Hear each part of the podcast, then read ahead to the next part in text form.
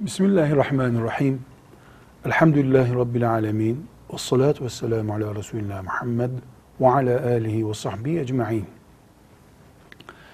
İsim verme günü var mıdır?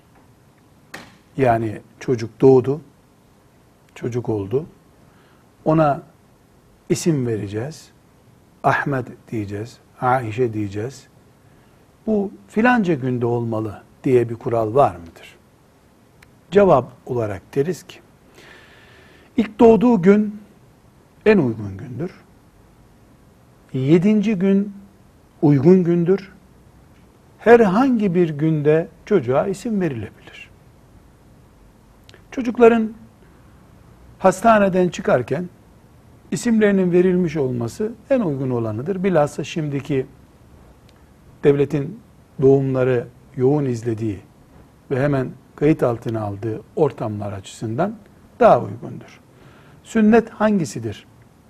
Hangisi daha müstehaptır sorarsak, birinci gün deriz, yedinci gün deriz, herhangi bir günde diyebiliriz. Onuncu gün, üçüncü gün, beşinci gün diye günaha girmiş olmaz bir baba.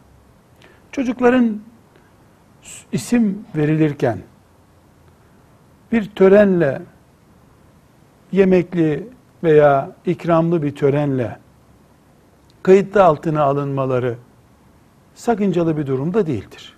Yani çocuğa isim verildiği için bir isim töreni de yapılabilir. O tören menhiyatın bulunduğu, sakıncalı şeylerin bulunduğu tören olursa elbette sakıncalı olur. Ama çocuğumuzun doğmasına bağlı olarak akika kurbanı kesip isminin de verilip çocuğa bir hatıra olsun, dua etsin insanlar diye tören yapılabilir. Bir sakıncası yoktur. Velhamdülillahi Rabbil Alemin.